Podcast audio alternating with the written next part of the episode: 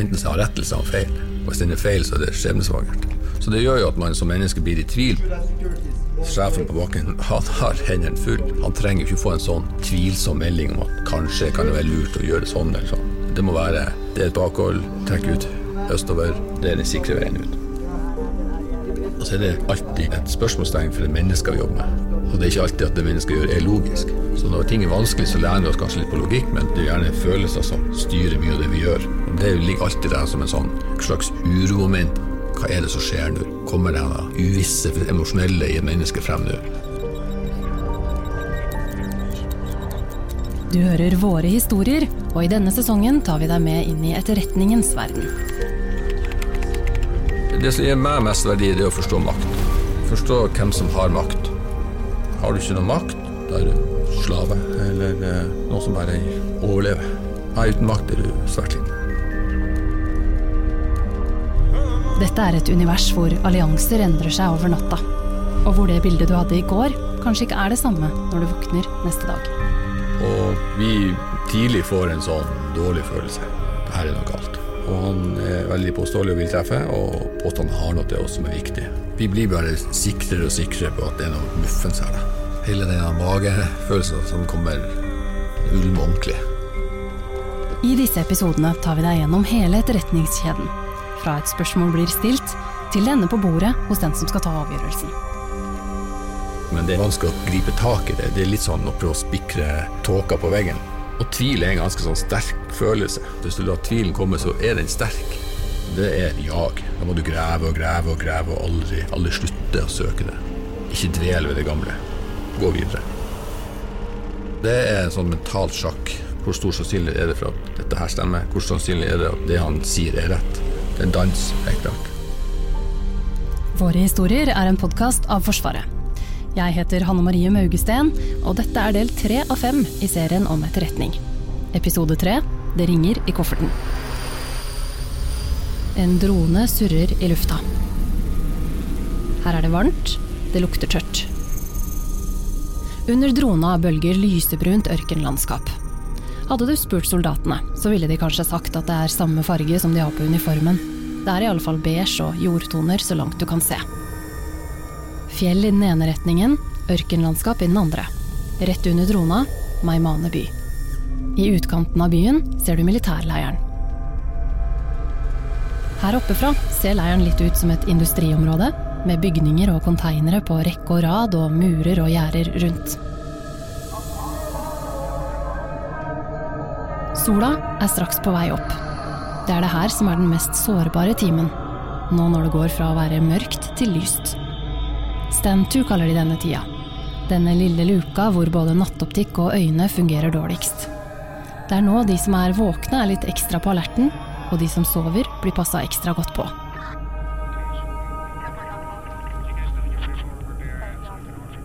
Markus fra Etterretningsbataljonen forteller.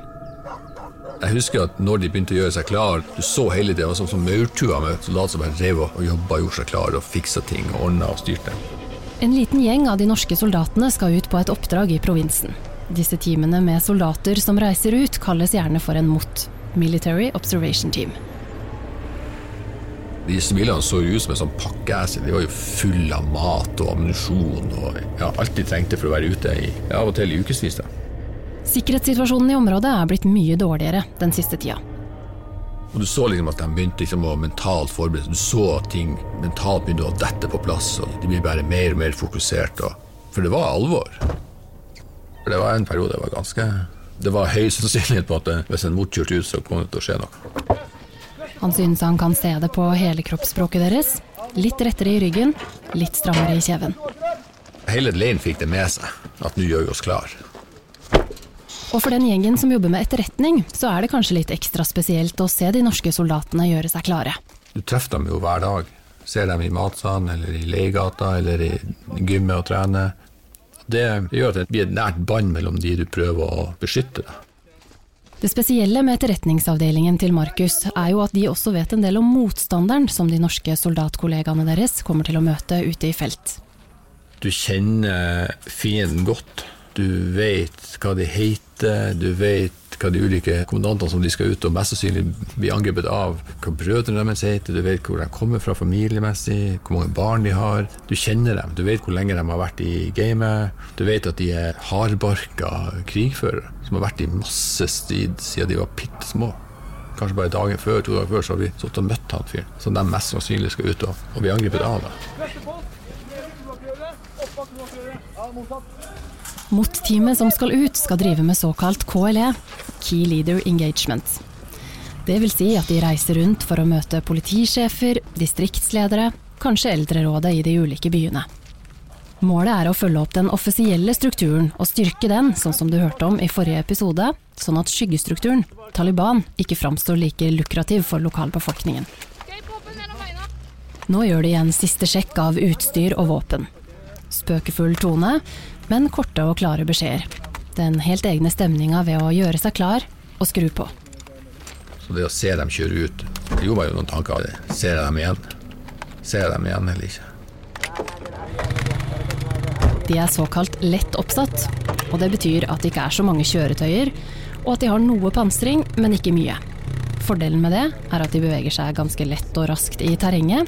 Ulempen er at man ikke er like godt beskytta. Så når du ser for deg kolonna som nå ruller ut av leiren, så er det bare et par lettpansra Ivekor, eller åpne jeeper med maskingevær på taket, og kanskje en sekshjuling eller to.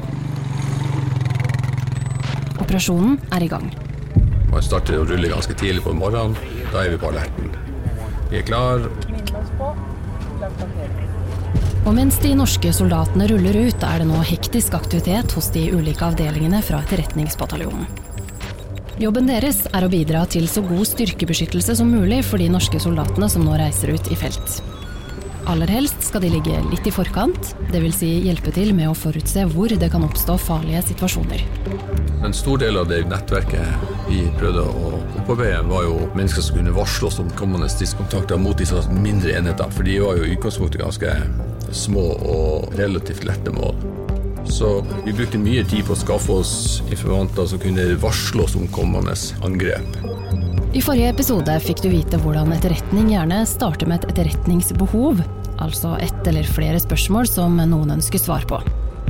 Det spørsmålet blir så brutt ned og sendt ut til det man kaller de ulike innhentingsdisiplinene, dvs. Si de ulike underavdelingene til etterretningsbataljonen.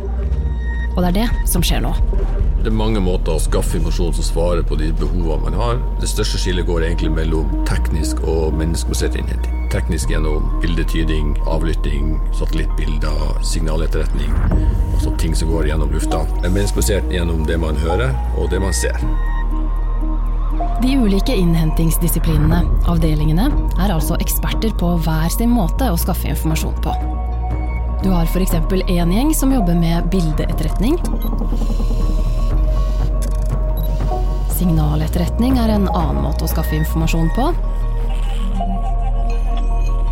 Så har du feltetterretning og overvåkning. Eller informasjon man finner i åpne kilder. Det kan være alt fra satellittbilder til Twitter-meldinger.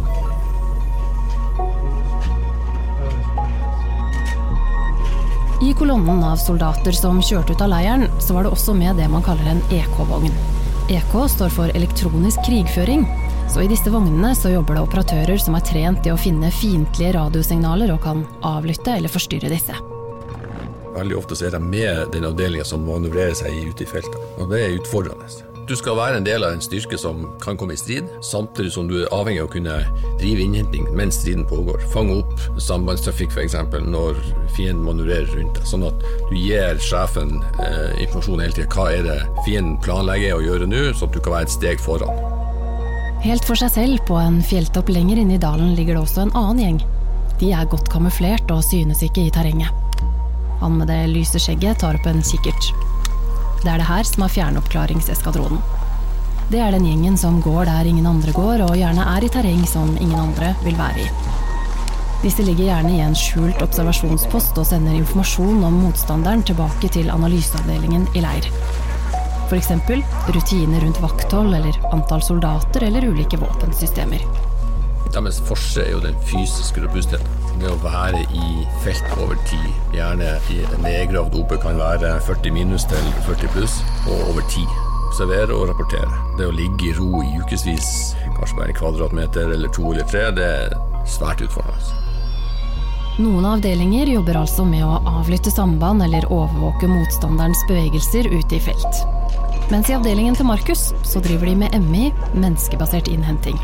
For dem så handler det om å skaffe informasjon ved å snakke med folk. Og det kan være ganske nyttig.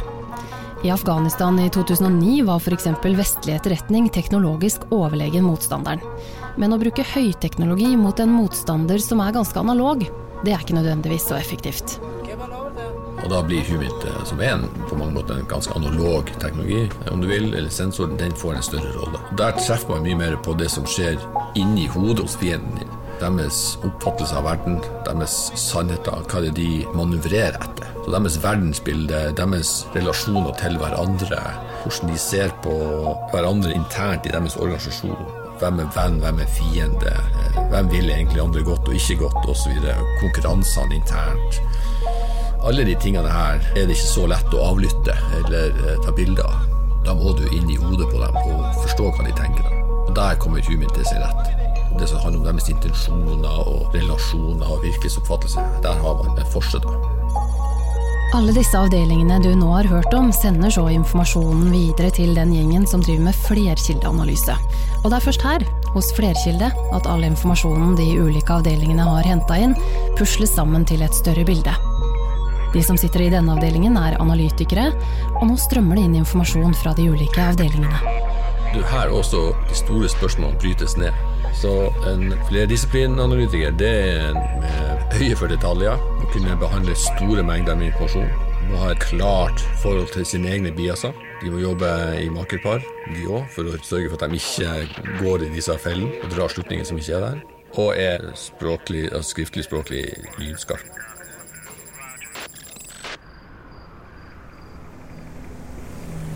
Den norske kolonnen kjører inn i en trang, V-forma dal med høye fjell på begge sider. Målet er et område på den andre siden av dalen. De som sitter i kjøretøyene følger godt med, spesielt nå pga. terrenget rundt dem. De ser det samme. Det er ikke så mange veier ut herfra.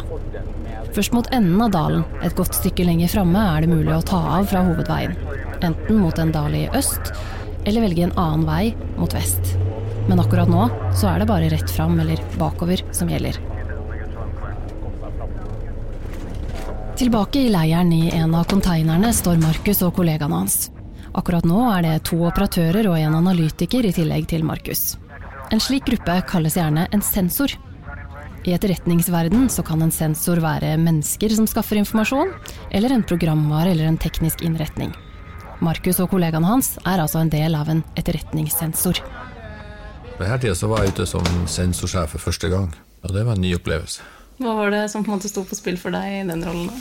Ansvar, først og fremst. Ansvaret for de du har med deg, sånn rent fysisk, altså at de kommer hjem.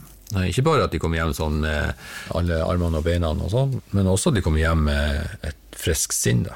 Utover det så er det jo det ansvaret jeg hadde og følte på, å gå på det å være etterrettelig. Stå for det du gjør, og at rapporteringa di er så korrekt som overhodet mulig. For det er utslagsgivende. Det er med på å bestemme om den militære sjefen tar et valg til høyre eller til venstre. Og det kjente jeg masse på.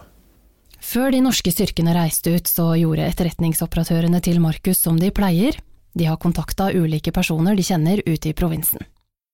Hører om de vet noe. Man sier ikke hvor de norske styrkene skal, men man ringer dem og hører om det går bra med dem. Holder dem litt varm, holder dem på. Rett og slett minner dem litt på om hva vi ønsker å ha fra dem. Målet til de som jobber med etterretning er å ligge litt i forkant, og forsøke å forutse hva som kan komme til å skje. Noen ganger advarer de derfor norske styrker mot å reise inn i en bestemt dal før styrkene drar ut på oppdrag. Kanskje anbefaler de en alternativ rute basert på det de har fått inn av tips og varsler. I tillegg er det ganske vanlig at styrkene som reiser ut av leiren får en etterretningsbrif. Her får de vite hva som beveger seg i området de skal til, og hva de eventuelt bør være klar over eller følge ekstra nøye med på. Men noen ganger så oppstår det likevel situasjoner underveis som man ikke har forutsett. Og det er det det gjør denne dagen. Patruljen som har reist ut, har havna i en såkalt TIC, troops in contact. Dvs. Si en stridskontakt, en situasjon hvor avdelingen er under angrep. Det er alltid det siste du har lyst til å høre, det er at en norsk sånn enhet er i en stridskontakt. For da står du liksom og ser på, litt sånn, skal ikke si hjelpeløs, men du føler deg litt hjelpeløs. Da kommer alle spørsmålene hva har vi ikke gjort? Er det noe vi burde ha gjort annerledes for å sørge for at de var klar over det som kom? da? Husker du kofferten? Den du fikk høre om i første episode? Den ligger på bordet mellom Markus og de andre kollegaene hans. I lokket er det limt på flere gamle mobiltelefoner, og nå ringer det i en av telefonene. En Nokia 3210. Markus og de andre kollegaene står i ring rundt telefonen som nå er satt på høyttaler. En av de springer for å få tak i tolken. Ofte i disse samtalene så har man jo høyttaler på, så alle sammen hører det som blir sagt. og Tripportørene de begynner jo å fange opp en del ord og uttrykk. så det, det er ikke at de klarer å skjønne alt som blir sagt, men de hører jo på stemmen og hvor anspent han er, eller opphisset han er, eller ja, hvor fort han prater. Så de får jo litt av stemninga i samtalen bare gjennom å høre. Han som ringer er Taliban-soldat, og ut fra lyden i bakgrunnen og det han sier, så skjønner Markus og de andre operatørene at han ligger på en av fjelltoppene i dalen og er med på angrepet mot den norske avdelingen. Og han er midt oppi det. Når han ringer, så får vi flere ganger vi hører at det skytes med RPG, og PKM-en knatrer i bakgrunnen. Med RPG og PKM så mener Markus at de hører lyden av rakettdrevne granater og tungt maskingevær. Med andre ord, den norske avdelingen er under angrep, og de er det på et litt dårlig sted, i bunnen av en trang dal. Du må være veldig nøyaktig, veldig spissa i det du skal si og kommunisere. For du har så begrensa med tid, reelt sett. Og iallfall i en sånn situasjon hvor du kanskje bare har et minutt, kanskje 30 sekunder, før han ligger i stridshandling når han ringer deg. Da må du ha spørsmålene klart. Så nå begynner en balanseøvelse for de som står rundt telefonen inne i konteineren. Det er mannen som ringer, som åpner samtalen. Spør oss først om det er vi, vi mener den norske avdelingen som er på tur inn i det området.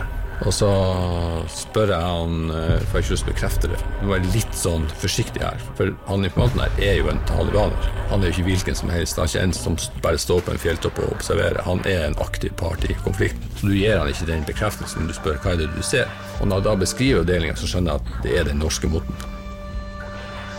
Operatørene utnytter tida så godt de kan, og fortsetter å stille spørsmål. Det der er vanskelig, for han gir jo masse av seg og hva Taliban gjør, men du gjør ikke det samme om de norske styrkene. Så det der er vrient å få til. For det er klart, han er jo litt interessert i å gi og ta, han òg.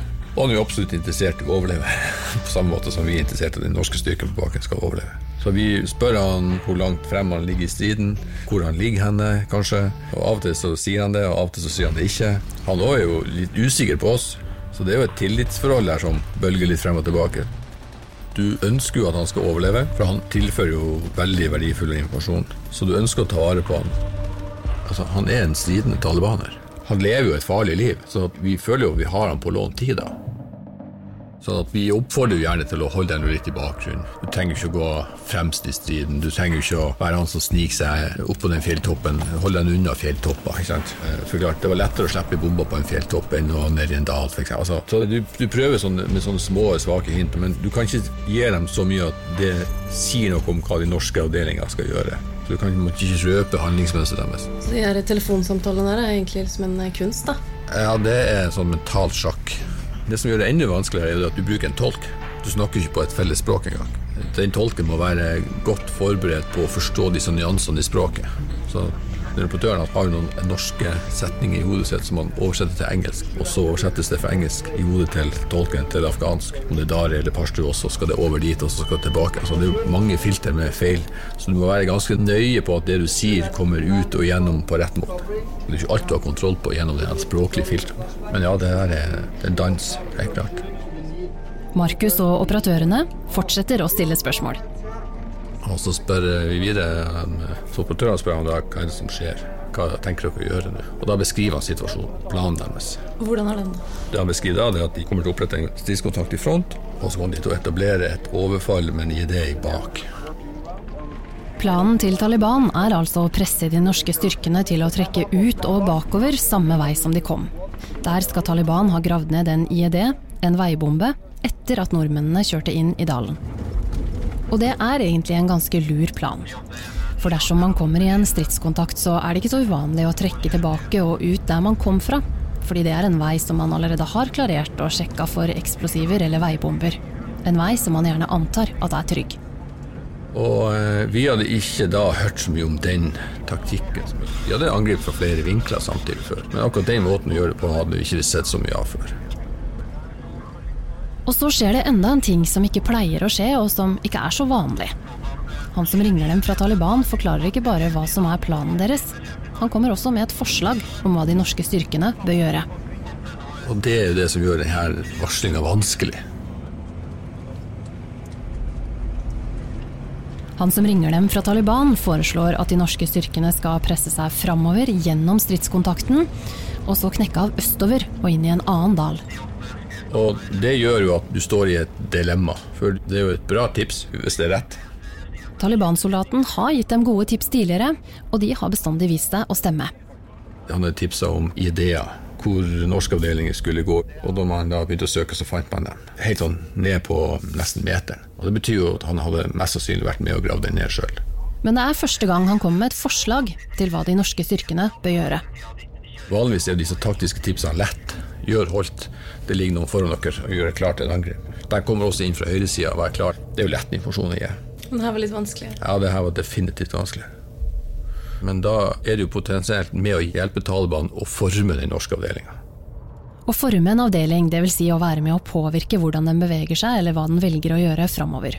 Hvis de da har et nytt bakhold ventende i den dalen, så har du hjulpet dem å forme den norske avdelinga. Hvorfor vil han som ringer ha de norske styrkene ut via veien østover?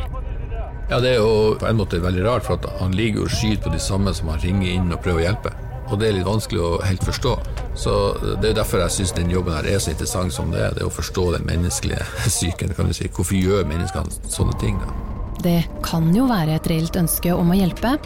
Det er du som må ta det valget, som sjef for en sensor, når de taktiske tipsene er vanskelig.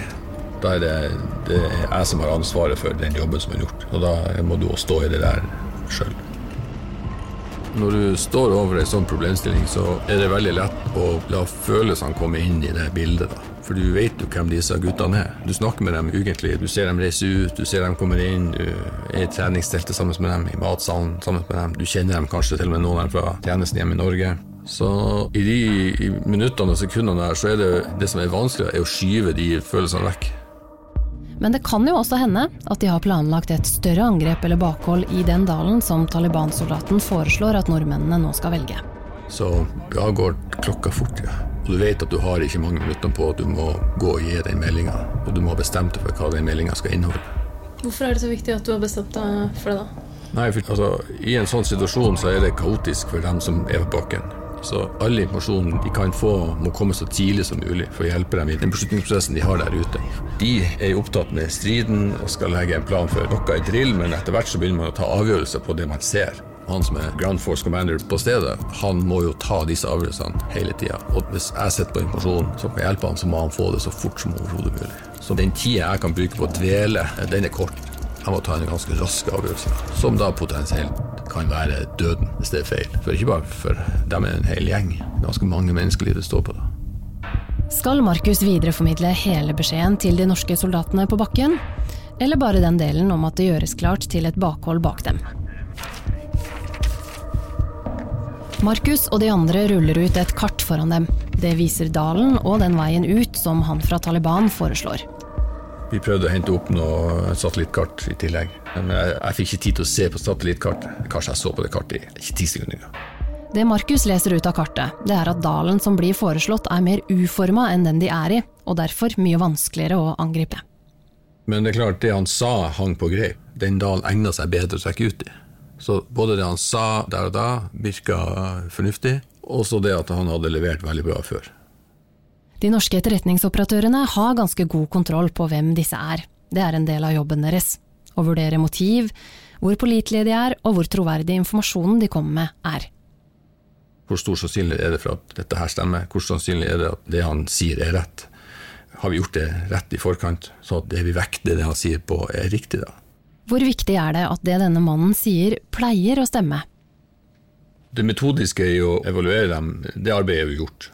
Vi gir han jo en eller annen form for score på det. Så det kan man si er litt, ikke matematisk, men det, noen, det ser man jo en trend i. Og der hadde han levert veldig bra, så vi var jo relativt trygge på akkurat det. Men man vet jo aldri om han er snudd eller ikke.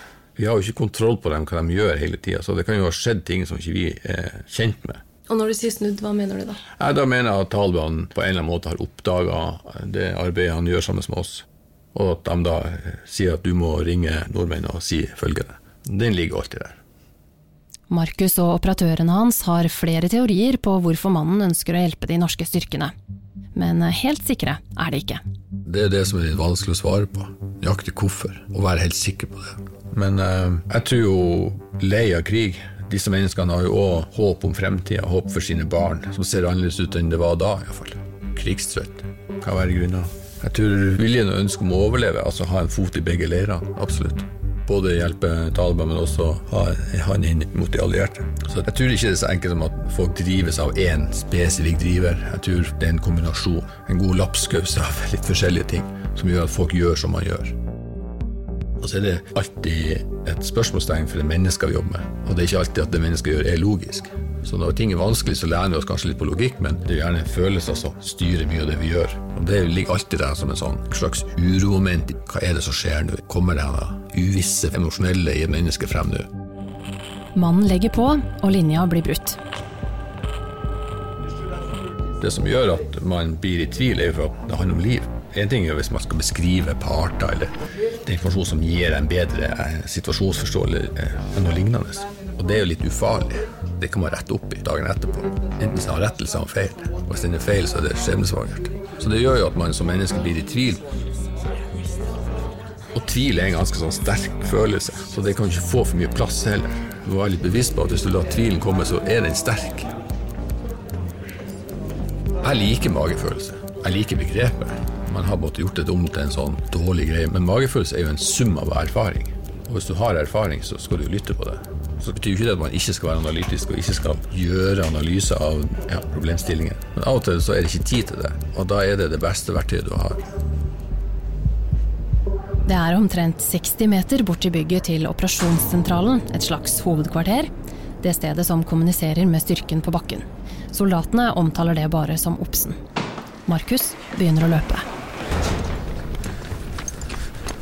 Så den uh, tvilen du eventuelt måtte ha, den uh, legger du igjen i den konteineren? i det du Ja, Idet jeg har bestemt meg for hvordan den meldinga skal høres ut, så må jeg gå inn der og være Jeg kan ikke være i tvil. Jeg kan ikke påføre min usikkerhet til, uh, til andre. Nei, det går ikke. For sjefen på bakken, han som er midt i en stridskontakt, han har jo mer enn nok å tenke på. Han er jo ikke bedre egnet til å gjøre den vurderinga om vi kan stole på den kilden eller ikke. Det er jo faktisk min jobb han har hendene fulle. Han trenger ikke få en sånn tvilsom melding om at kanskje kan det være lurt å gjøre sånn eller sånn. Det må være det er et bakhold, trekke ut østover. Det er den sikre veien ut. Vanligvis så er vurdering og analyse av informasjonen som kommer inn, en grundig prosess. Det skal du få vite mer om i neste episode, men etterretning må også være rettidig. Det vil si leveres til rett tid, hvis ikke har det ikke noen verdi. Og i det tilfellet her, hvor det er snakk om et tips som plutselig dukker opp og kan ha stor verdi, så haster det. Markus og kollegaene hans har ikke mulighet til å veie for eller imot spesielt lenge, og de må stole på de vurderingene de har gjort av innringeren tidligere. På vei inn i Obsen griper Markus likevel for sikkerhets skyld tak i han som er sjef for flerkildeavdelingen, altså de som sitter med informasjon fra alle de andre innhentingsdisiplinene. Har du noe som backer dette? Har vi noe annen informasjon som sier imot dette? Eller, ja, det tar kanskje et minutt, ikke engang. Når du kommer inn der, så er det ikke noe armer og bein. Da er folk rolig, avbalansert. Så når jeg kommer inn der, så er det bare at jeg går bort til battle captain og så sier jeg denne meldingen må ut. Og meldingen går ut. Markus gir hele beskjeden. Både om det planlagte bakholdet, og at den tryggeste veien ut er framover og øst, sånn som han fra Taliban foreslo.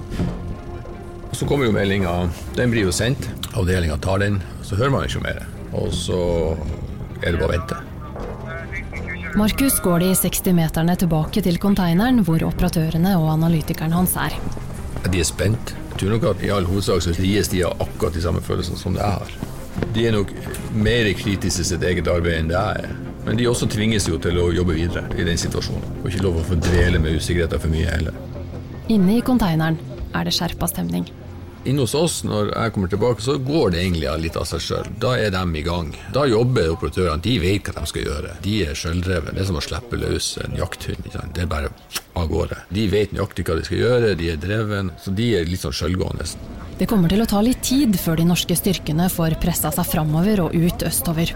Og det er først når de har kommet inn i den andre dalen at de i leiren får vite om beskjeden stemte eller ikke. Jeg vil kanskje si at eh, en del av hjernen min er jo absolutt med dem. Tenker jo på hvordan går det her. Men den viktigste og mest aktive delen av hjernen må jobbe med neste steg. Å være foran. Hva er neste nå? Hva er neste område de skal inn i? Har vi kilder der? Du tenker fremover. Hvordan prøve å få tak i informasjon som kan hjelpe dem videre på sin tilbakestrekning eller ferdsel til det området. Da må du forsøke å være foran prosessen, foran hjulet. Og nå, mens de venter på meldingen tilbake over sambandet, så jobber de med ulike alternativer. Vi tenker jo ofte sånn hva hvis nå avdelinga blir så skutt opp at vi har folk på flukt? Altså at det er soldater som mister de andre i egen avdeling. Da er det en liten gruppe på flukt. De blir splitta fra hverandre. Hva gjør vi da? Er det noen vi kjenner i området som kan hjelpe dem? Ta dem inn og skjule dem til at vi kan få plukka dem opp. Eh, vi begynner å tenke sånn worst case scenario hele tida. Hva kan vi gjøre da med de vi kjenner der ute som kan hjelpe dem? Vi prøver å tenke vi sier negativt, men vi må være forberedt på det verste. Inne i Obsen venter alle spent på tilbakemelding fra den norske avdelingen. Det er ikke helt som på film. De har ingen skjerm hvor de f.eks. kan se livebilder av styrkene. De har et kart hvor de har markert ruta og hvor avdelingen befinner seg, men ellers så er det mest sambandssystemer. Og så må man, basert på det man hører, prøve å se for seg hvordan det er for soldatene ute i felt. Jeg husker at den tida var lang å sitter og venter. Du sitter mye mer i blinda. Det er kun via lyd, kun via samband. Så kommer meldinga. De valgte riktig dal. Det lå ikke noe nytt bakhold og venta. Ingen er skadd. Styrken er på vei hjem. Når de da kommer inn i så er det sånn mest lettelse. Utrolig lettelse. Det er jo de gangene resultatet av det du gjør, blir synlige og det blir målbart. Og det er et eller annet med det at når det du gjør ikke er så lett å måle, og svarer på masse spørsmål er ikke så målbart, det er ikke så konkret, og da er det veldig tilfredsstillende å få noen sånne klare situasjoner hvor du har det er målbart, det du gjør. da. Og Det tror jeg er for å kompensere med at du jobba veldig mange timer i døgnet i ukevis og månedsvis, og noe som ikke er så lett å måle. Du leverer en rapport, og så bare så forsvinner den, på en måte.